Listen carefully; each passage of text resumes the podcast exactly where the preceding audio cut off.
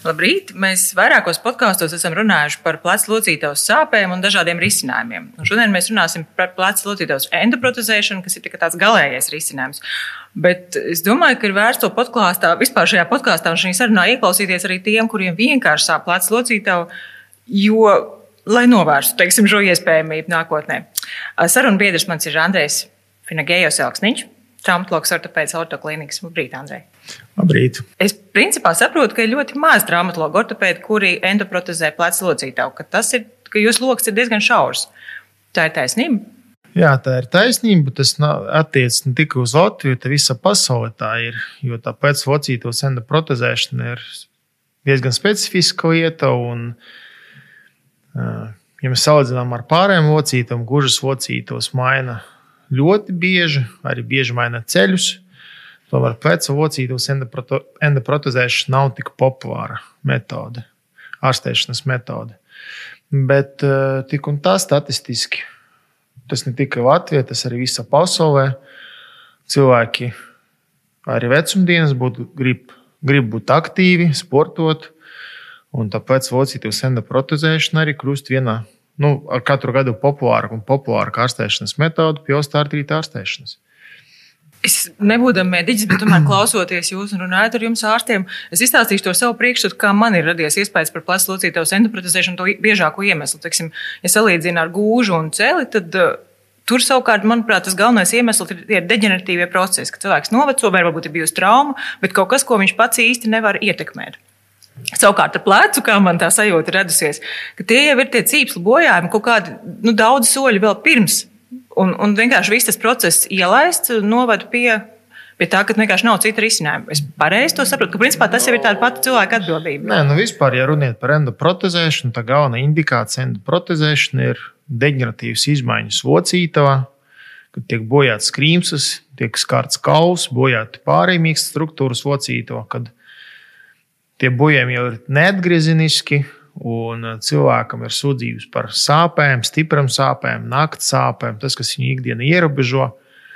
Un tad, principā, tas ir tas brīdis, kad, ja cita ārstēšanas metode nepalīdz, tad domāt un plānot endoprotezēšanu. Ar pleco vocītos endoprotezēšanu arī ir līdzīgi. Tas ir vai nu posttraumatiska osteoartroze, kaut kādas izmaiņas, kas cilvēkam ļoti ierobežo ikdienā vai tas ir deģeneratīvs izmaiņas locītavā. Tas arī viss ir indikācijas pēc locītas endoprotezēšanai. Vienīgais, varbūt salīdzinot ar pārējām locītavām, pēc locītos izmaiņas biežāk tiek diagnosticētas laicīgi. Mēs visi zinām, kā plecu locītu ir svarīgas cīpsas, kas plecu locītu stabilizē un nodrošina to stabilitāti, nodrošina to kustību amplitūdu, nodrošina spēku. Un tas arī nodrošina locītos kaulu pareizes eh, attiecības.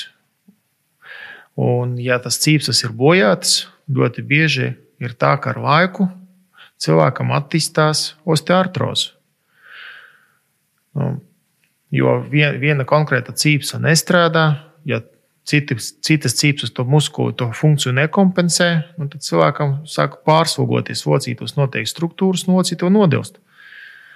Un, kad tas nodevuma pakāpe jau ir galēji, nu, tad fenomena protezēšana.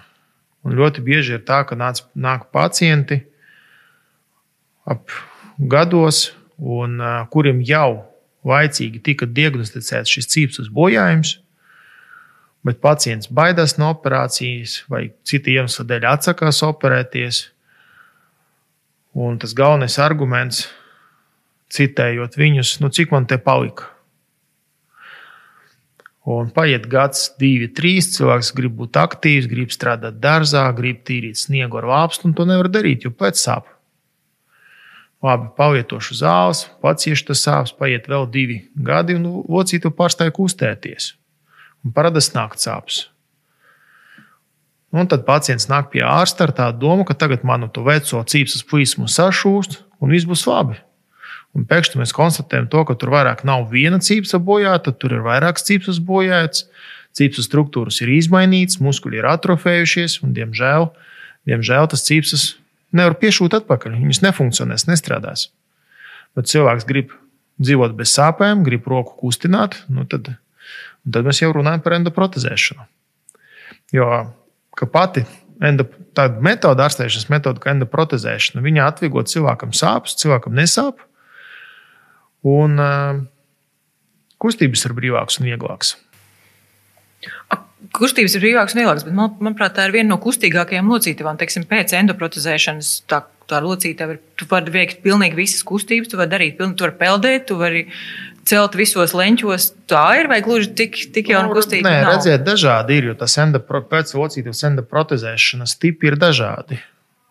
Ir tie, kuri, nu, vienkārši sakot, atkārtot cilvēku anatomiju, ir tādi, kuri tā kā, ir absolūti pretēji, ir, ko es domāju, piemēram, nu, normāli cilvēkam augstdevuma galviņa, viņi ir nopaļota, un lāpstiņi ir ieliekti. Ir tādas pēcvocītos endoprotēzes, ko sauc par reversam endoprotēzēm, kur tā protēzes daļa, kur tiek ielikta augstdevuma, viņa ir ieliekta, un lāpstiņas implants ir nopaļots. Nu, tieši pretēji. Jo tur cilvēkam mainās tā kustība biomehanika, un tad cilvēks ceļ roku uz citu muskuļu rēķinu. Ir tā, ir tā saucamās anatomiskas protēzes, kuras atkārtot anatomiju. Ir locīto aizvietojošas protēzes. Atkarīgi no tām protēzēm un protēzes tipiem, un arī atkarīgi no pacienta, jā, ir situācija, ka kustība amplitūda var būt pilna. Tas ir pat tajā gadījumā, ja viņi jau viņam galīgi vairs nav bijusi pilna pirms tās endoprotezēšanas. Arī tāds, tāda nu, to, grūti, to grūti spriest, jo dažreiz ir tā, ka cilvēkam pirms operācijas nav kustība amplitūdas, nav kustība amplitūda nav pilnvērtīga. Jā, jā nu, tad cerēt uz to, ka cilvēkam nomaina locītu un nākamajā dienā vai pēc nedēļas viņam tā pilna kustība amplitūda parādīsies, nu nevajag. Ja cilvēks to roku nav pilnvērtīgi kustinājis vairākus gadus, tad tie muskuļi ir atrofējusies vai hipotrofējusies. Vienkārši tas, tā locītava tā normāli nebija kustējusies vairākus gadus. Un nomainiet locītavu uz mākslīgo, mēs panācām to, ka tā kustība amplitūda ir iespējama bet cilvēkam būs nepieciešams ilgs rehabilitācijas laiks, vai tā teikt, nu, jauna iemācīt locīto kustēties. Saki, mēs jau pārlicām tālāk, bet varbūt tie risinājumi, kādi, ko vispār plecu locītavu dara, lai novērstu endoprotezēšanu, vai ir kaut kādi soļi pirms. Protams, ka tās laikam cīpslas ir attiecīgi, droši vien, ka jāšuja laicīgi, bet nu izstāst, kas, kas vispār ir. Nu, pirmkārt, nevajag ignorēt plecu locītavas sāpes. Ļoti bieži ir tā, ka cilvēks ignorēt sāpes, nu, pacieš, pavieto zāles, no kur, kuram tad tie pleci nesāp. Bet principā tie sarkanie karogi, tie sarkanie galvenie simptomi, pie kuriem jā, jāpieklausās un jāieklausās sevi un jāaiziet pie ārsta, ja cilvēkam parādās nakts sāpes, ja cilvēkam sāpes ir ilgstoši un tas sāpes dinamika nemazinās, ja cilvēkam parādās kaut kādas mehāniska rakstura problēmas, ka ir ka kaut kas iziet no vietas pēc vocīta, vai pēc paliek nestabils, vai pēc vocīta iekšā kaut kas ķerās, vai parādās kaut kādi sapīgi krakšķi. Ja? Ja plecs locīto piepāmst vizuāli, piemēram, pēc smaga fiziska darba, plecs ir uzpājums un ir stīvs, ierobežots. Tas viss liecina par to, ka pēc locītava ir kaut kādas jau izmaiņas, un uh, ir kaut kāds iekaisuma process. Un ar to jātiek galā. Vispār šie, šīs lietas viņas parādās, un pēc laika ir pāriet, vai kā? Vai, vai tas ir tāds pastāvīgs fons, ja, ja, ja ir problēma? Nē, redziet, no skaidrs ir situācija, ka šodien no rīta pacients patīrīs sniegu, pa dienu pēc varētu pasāpēt, bet no rīta viņš pamostās, vai jau vakarā viņš neko nejūt. Nu, tā Jā. ir absolūti normāla situācija. Jā? Vai, piemēram, cilvēks pēkšņi ir atcēlis peldēt, piecus gadus nav peldējis, sācis iet uz basēnu. Skaidrs, ka pēc locītas un vispār rokas un muskuļi sāpēs. Mēs tagad runājam par tiem simptomiem, kuri cilvēkam ir ilgstoši un ilgstoši nemazinās. Tas ir 3, 4, 5 dienas, nedēļas, mēnešiem ilgi. Un šeit nevajag ignorēt tas sāpes, tad jālaicīgi jānāk un jā, jāizmeklējas. Skaidrs, ka nekas nemainīsies, ja, piemēram, cilvēkam no simptomu parādīšanās paies mēnesis, jā, vai divi, Ja, cīpsas muskuļi tur tik ātri nemainās, un locītu tik ātri nedilst. Bet, ja cilvēks ignorē tās sūdzības gadiem ilgi, nu, tas ir slikti. Jo redziet, problēma arī ir tāda, ka pēc locīta var sākties viss ar nelielu iekaisumu pērekli, piemēram, cīpsā, uz pārslodzes fona.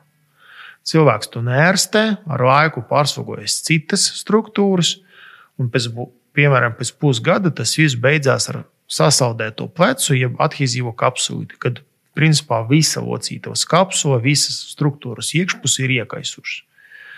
Un skaidrs, ka, ja, piemēram, ja tas ir sākuma stadija, lokāls iekaisuma pēreklis, to diezgan ātri un efektīvi var izārstēt cilvēkam.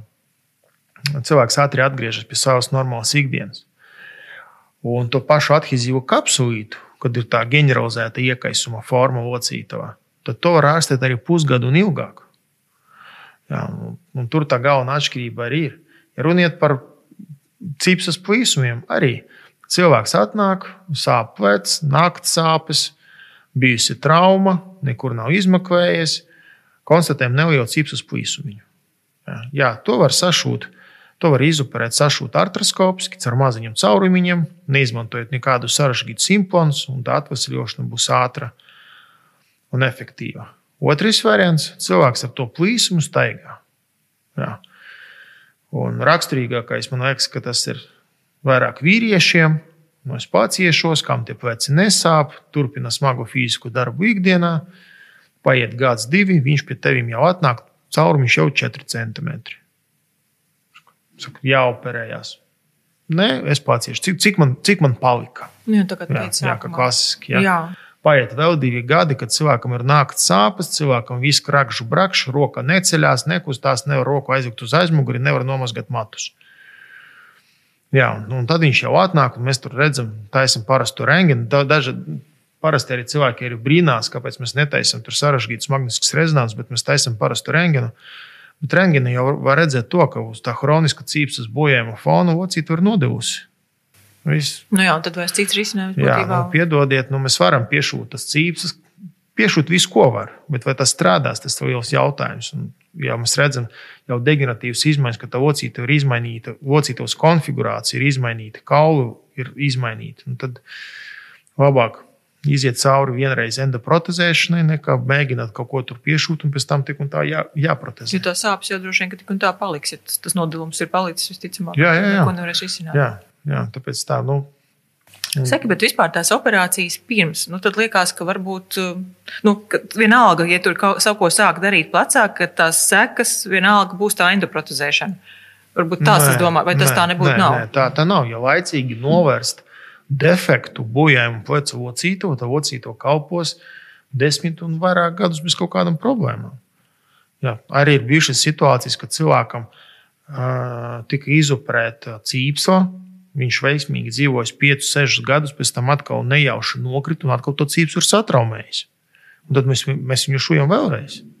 Nekas, ja, tā, ja cilvēka anatomija atjaunot, un cilvēks uh, iziet rehabilitāciju, normālu, pilnvērtīgu, tad principā tur lieliem bojājumiem nav. Seki, tā, tās, tā endopro, tās endoprotēžu veidi vispār kāda ir pleca locītavai. Tur arī tu kā ārsts skaties, kāds ir dzīvesveids tam cilvēkam, kā, kādas jā, viņam ir vajadzības, un no tā protams, izvēlies. Jā. Tur ir kaut kāda arī izvēles iespēja. Ja, jā, jā tā. tur ir izvēles iespējas, un šis jautājums ir diezgan individuāls. Mēs skatāmies ne tikai uz pacienta vecumu, mēs skatāmies uz pacienta aktivitātēm, cik viņš ir aktīvs ikdienā, ko viņš grib pēc tās operācijas. Jo man kā ārstam ļoti svarīgi, lai pacients arī apzinātu savu mērķi, ko viņš grib pēc operācijas. Un, ja tas mērķis ir sasniegts, nu, tas ir tas lielākais gandarījums tajā visā darbā. Tāpēc tas protēzes, endoprotēzes tipi ir dažādi, un te ļoti individuāli jāpieeja, jāpaskatās pacientu, jā, jāparunā ar viņu, jāsaprot, ko viņš vēlās. Un tad, tad pieņemt to kopēju lēmumu, kas būs vislabākais tieši viņa situācijā. Par to operāciju mazliet pastāstīt, cik viņa ir ilga, cik viņa ir tāda nopietna, sarežģīta. Nu, jā. nu, tas dažādi ir. Un, un, un, un. Es vispār uzskatu to, ka vienkāršas un vieglas operācijas nav. Jā, ka viss ir prasa. Jā, jebkura operācija tas ir diezgan sarežģīts process. Ja viņš pat izskatās, ka viņš diezgan viegli ir, izdar, ir izdarīts. Un tā tas vienkārši pateicoties tam, ka tas nav pirmais pacients ārstam. Ka tas ir darīts daudz, jā, jā, ka tas ir darīts daudz, daudz mācīts, un uh, ka vienkārši tā visa ārstēšanas tehnika ir atstrādāta tik tālu, ka pacient, pacientam liekas, ka tas ir viegli tik izdarīts. Jā, tas, tas, ir tā, tas ir profesionālisms. Saka, bet vispār, kā, kāda, nu, kā, kāda notiek šī operācija? Kā tas ir, kā, visu, kā tas viss notiek? Pacients guļ. Jā. Jā, pacients uh, ir vispār anestezija, pacients guļ, viņš neko nedzird, neko nejūt. Uh, locītos uh, priekšpusē tiek uztaisīts, vai locītas priekšpusē, vai locītas sāna tiek uztaisīts audzinošs neliels grieziens. Tāds kosmetisks grieziens, 10, aptuveni 10 cm garš. Jā, un pēc būtības mēs ļoti akurāti pārdalām visus mīkstus audus, maksimāli saudzējot tos, jo jaunai locīto tas arī ir nepieciešams. Un atkarīgi no tās bojājuma pakāpes, no tā nodevuma pakāpes, mēs uh, cilvēkam ieliekam vislabāk viņam piemērotu endoprotēzi iekšā. Bet tur jā. jau būtībā viss ir izskaidrots un apskatīts rengenā jau iepriekš. Tu apmēram jau jā, zini, jā, pēc, jā, nu, kā, kas jā. tev būs vajadzīgs. Nu, paldies Dievam, mēs vairāk nedarbojamies pēc tiem, pēc tiem principiem, atvērsim, paskatīsimies. Kas tur ir iekšā? jā, skaidrs, ka jebkura operācija tiek saplānota iepriekš, un uh, ejot uz uz operāciju ārstam jābūt plānam A, B un C galvā. Ja, un arī jāparedz visi iespējami sarežģījumi, kas varētu notikt operācijas laikā, un tam jābūt gatavam. un, jā, un cilvēku operācijas ilgums no nu, viduvēji ar to visu pacientu nomazgāšanu, apglāšanu, tā tas ir kaut kāds divas stundas. Pacients pēc operācijas pamodās palātā. Slimnīcu viņš pavadā ap viduvēji, tas ir trīs Jā. dienas. Kustināt roku viņš sāk jau nākamajā dienā pēc operācijas. Skaidrs, ka pirmā mēnesī jābūt ļoti piesardzīgam ar to plecu. Ja Tas nozīmē arī kustinot viņu ļoti uzmanīgi. Bet, nu, tas, mēs laikam runājam ne par kā celšanu, bet vispār. Jā, jā, jā. vienkārši arī rehabilitācijas laikā jā. jābūt ļoti uzmanīgam. Nevar veikt nekādas straujas kustības, nevajag forsēt. Uh, Jo to, ko mēs redzam, mēs redzam tikai vizuāli, tā ir viena rēta ādai. Āda sadzīst divu nedēļu laikā. Bet kamēr visas iekšējas struktūras sadzīst, tam ir vajadzīgs ilgāks laiks. Tas ir viens. Otrais, kamēr jūsu muskuļi adaptēsies un spēs funkcionēt ar jauno detaļu jūsu organismam, tam arī ir vajadzīgs laiks un pacietība. Tāpēc te principā tā rehabilitācija kopumā pēc, pēc locītos endoprotezēšanas varētu būt arī no 3 līdz 4 mēnešiem, daž, dažos gadījumos arī līdz 6 mēnešiem. A, kā ir ar tām sāpēm? Es saprotu, ka slimnīcā visticamāk ļoti labi viņas kupē, bet tagad, kad cilvēks nokļūst mājās, kā viņam ir ar to sāpju? Ar tām sāpēm. Jo es saprotu, ka plecs ir sāpīga locīta, kurā viņā iejaucās. Jā, ir sāpīga locīta, bet uh, mēs kaut kā veiksmīgi iemācījāmies arī nešpricējot mājas apstākļos nekādas zāles, ne muskuļos, ne vēnā lietot zāles tablešu veidā. Jā. Ar tām sāpēm cilvēkam mierīgi sadzīvo. Bet arī nav izteikts sāpes. Ļoti bieži pacienti atzīst to, ka tāda apdzīst, tad viņi arī īpaši neko iekšā nejūt. Ak, jā, neko, es tieši gribēju prasīt par to endoprotēzi. Ko cilvēki saka, viņi viņu cik ilgi jūt, ka tas ir kaut kas cits tur iekšā? Kā, kā vispār tā? Kā tas, kā tad, Principā arī nejūt. Nav tā, ka tu pamosties jau sajūti, ka tur kaut kas svešs cits ir iekšā. Nu, jā, nu, tas ir mīts, ka cilvēks tur. Cilvēki baidās no, no tā, ka viņi, piemēram, viņam ieliks kaut kādu metālu klūci. Un viņi visi jutīs, ka tas jā, ir metāls. Viņi to jutīs, to, ka tur liekas kilograms. Ir. Jā. Nu, nu, tā tā nav. Tas protēzs ir ļoti viegls, tas protēzs ir anatomisks, protēžu izvēles ir ļoti daudz. Un tāpēc šie jautājumi tiek piemeklēti individuāli katram pacientam. Un parasti pacienti skaidrs, ka viņi jūt to, ka tur, tur, tur ir bijusi operācija. Jā, to, ka tur ir bijis kaut kāds grieziens, tur ir mīksti audi, arī kamēr sadzīst un tā. Bet pašu protēzi viņa nejūt. Kā ir ar ši, šīm protēzēm? Varbūt vispār plecs, tas kalpo ilgāk nekā, piemēram, cēlis gūža. Vispār kāds ir tas kalpošanas laiks, uz ko, uz ko tas cilvēks var rēķināties? Nu, apmēram. Nu, tagad par to protēžu, vispār par protēžu kalpošanas laiku. Īpaši neviens vairāk nerunā, to uzmanību neakcentē, jo tie mūsdienu materiāli, tie savienojumi, nu, viņi kalpo ļoti ilgi. Mm -hmm. Ļoti ilgi. tas tehnoloģijas arī nestāv uz vietas, un katru gadu ražotāji izdomā kaut kādu citu materiālu, citu pārklājumu, kas mm, ļauj tai protēzi kalpot arī 20 gadus un ilgāk. Pleca protēzes, nu, principā šī operācija ir rekomendējama cilvēkiem pēc 65 gadiem. Skaidrs, ka dažādas situācijas ir, un mēs arī liekam protēzi jaunākiem pacientiem, bet principā tas rekomendācijas, ja runiet par pleclocītos artrozi, tad protēzes pēc 65 gadiem. Un tas nozīmē to, ka līdz cilvēka mūža beigām protēze kalpos. Kā tu kontrolē, vispār nepieciešams kontrolēt šo, kā viņi tur iekšā jūtās un kā tas viss notiek? Skaidrs, ka cilvēks arī nāk pēc, pie ārstieša ārsta pēc operācijām, uz kontrolu vizītēm. Mēs skatāmies, kā notiek tā mīkstaudu dzīšana, kā notiek rehabilitācija, vai tā locīta ir stabila, kādas sūdzības, sāp, nesāp, cik ātri izstrādājas kustības un tā. Un pēc tam tā kontrole parasti notiek reizi gadā vai reizi divos gados. Ja? Un tur tu skaties, ko kam tu tur mēs skatāmies, kā pacients jūtas, mēs skatāmies, kāda ir kustība amplitūda, mēs skatāmies, kā, kā cilvēkam strādā viņa muskuļi, kā viņš adaptē, kā notiek tā biomehanika pēc jaunai plecu locītavai. Un kā skrīningu taisam rengenu. Jā, skatāmies, vai tur tas kaulu jaunu implantu attiecības un kaulu attiecības ir pareizās, kas ir mainās dinamikā un tā. Ja mēs tagad tuvojamies noslēgumam, vēlreiz par profilaks, protams, tas jau izskanēja, bet tomēr kas ir tas, būt, lai, nu, lai maksimāli tomēr to plecu locītavu nodzīvot visu dzīvi ar savējo? Kas ir tie soļi, ko, nu, protams, katram vajadzētu savādāk? Pirmais un galvenais - neignorēt uh, sūdzības, savas sūdzības. Ja cilvēkam sāp, krakš, brakš, piepāmst, nakts sāpes, uh, kustību ierobežojumi, tad neignorēt un ne, necerēt uz to, ka tur ir paies pusgads, un tas viss pats par sevi normalizēsies. Nu, labi, skaidrs, ka tikko man pleci iesāpās, es uzreiz neskriešu pie ārsta un tā, bet ja jums sāp divi, divas, trīs nedēļas, nu, tad atnāciet, pārbaudīsim. Tas ir viens. Otrais, ka, kad teica kādreiz manējis treneris, nevis sports ārstē, bet fiziskultūra ārstē. Jā, regulāri nodarboties ar fizioterapiju, veicināt vingrinājumus, Tas palīdz aktivizēt visus muskuļus, tas palīdz uzlabot asins cirkulāciju caur locītavu. Un, un tā. Un normāls, pilnvērtīgs uzturs. Jā, Tam arī nozīmē. Es domāju, ka jā.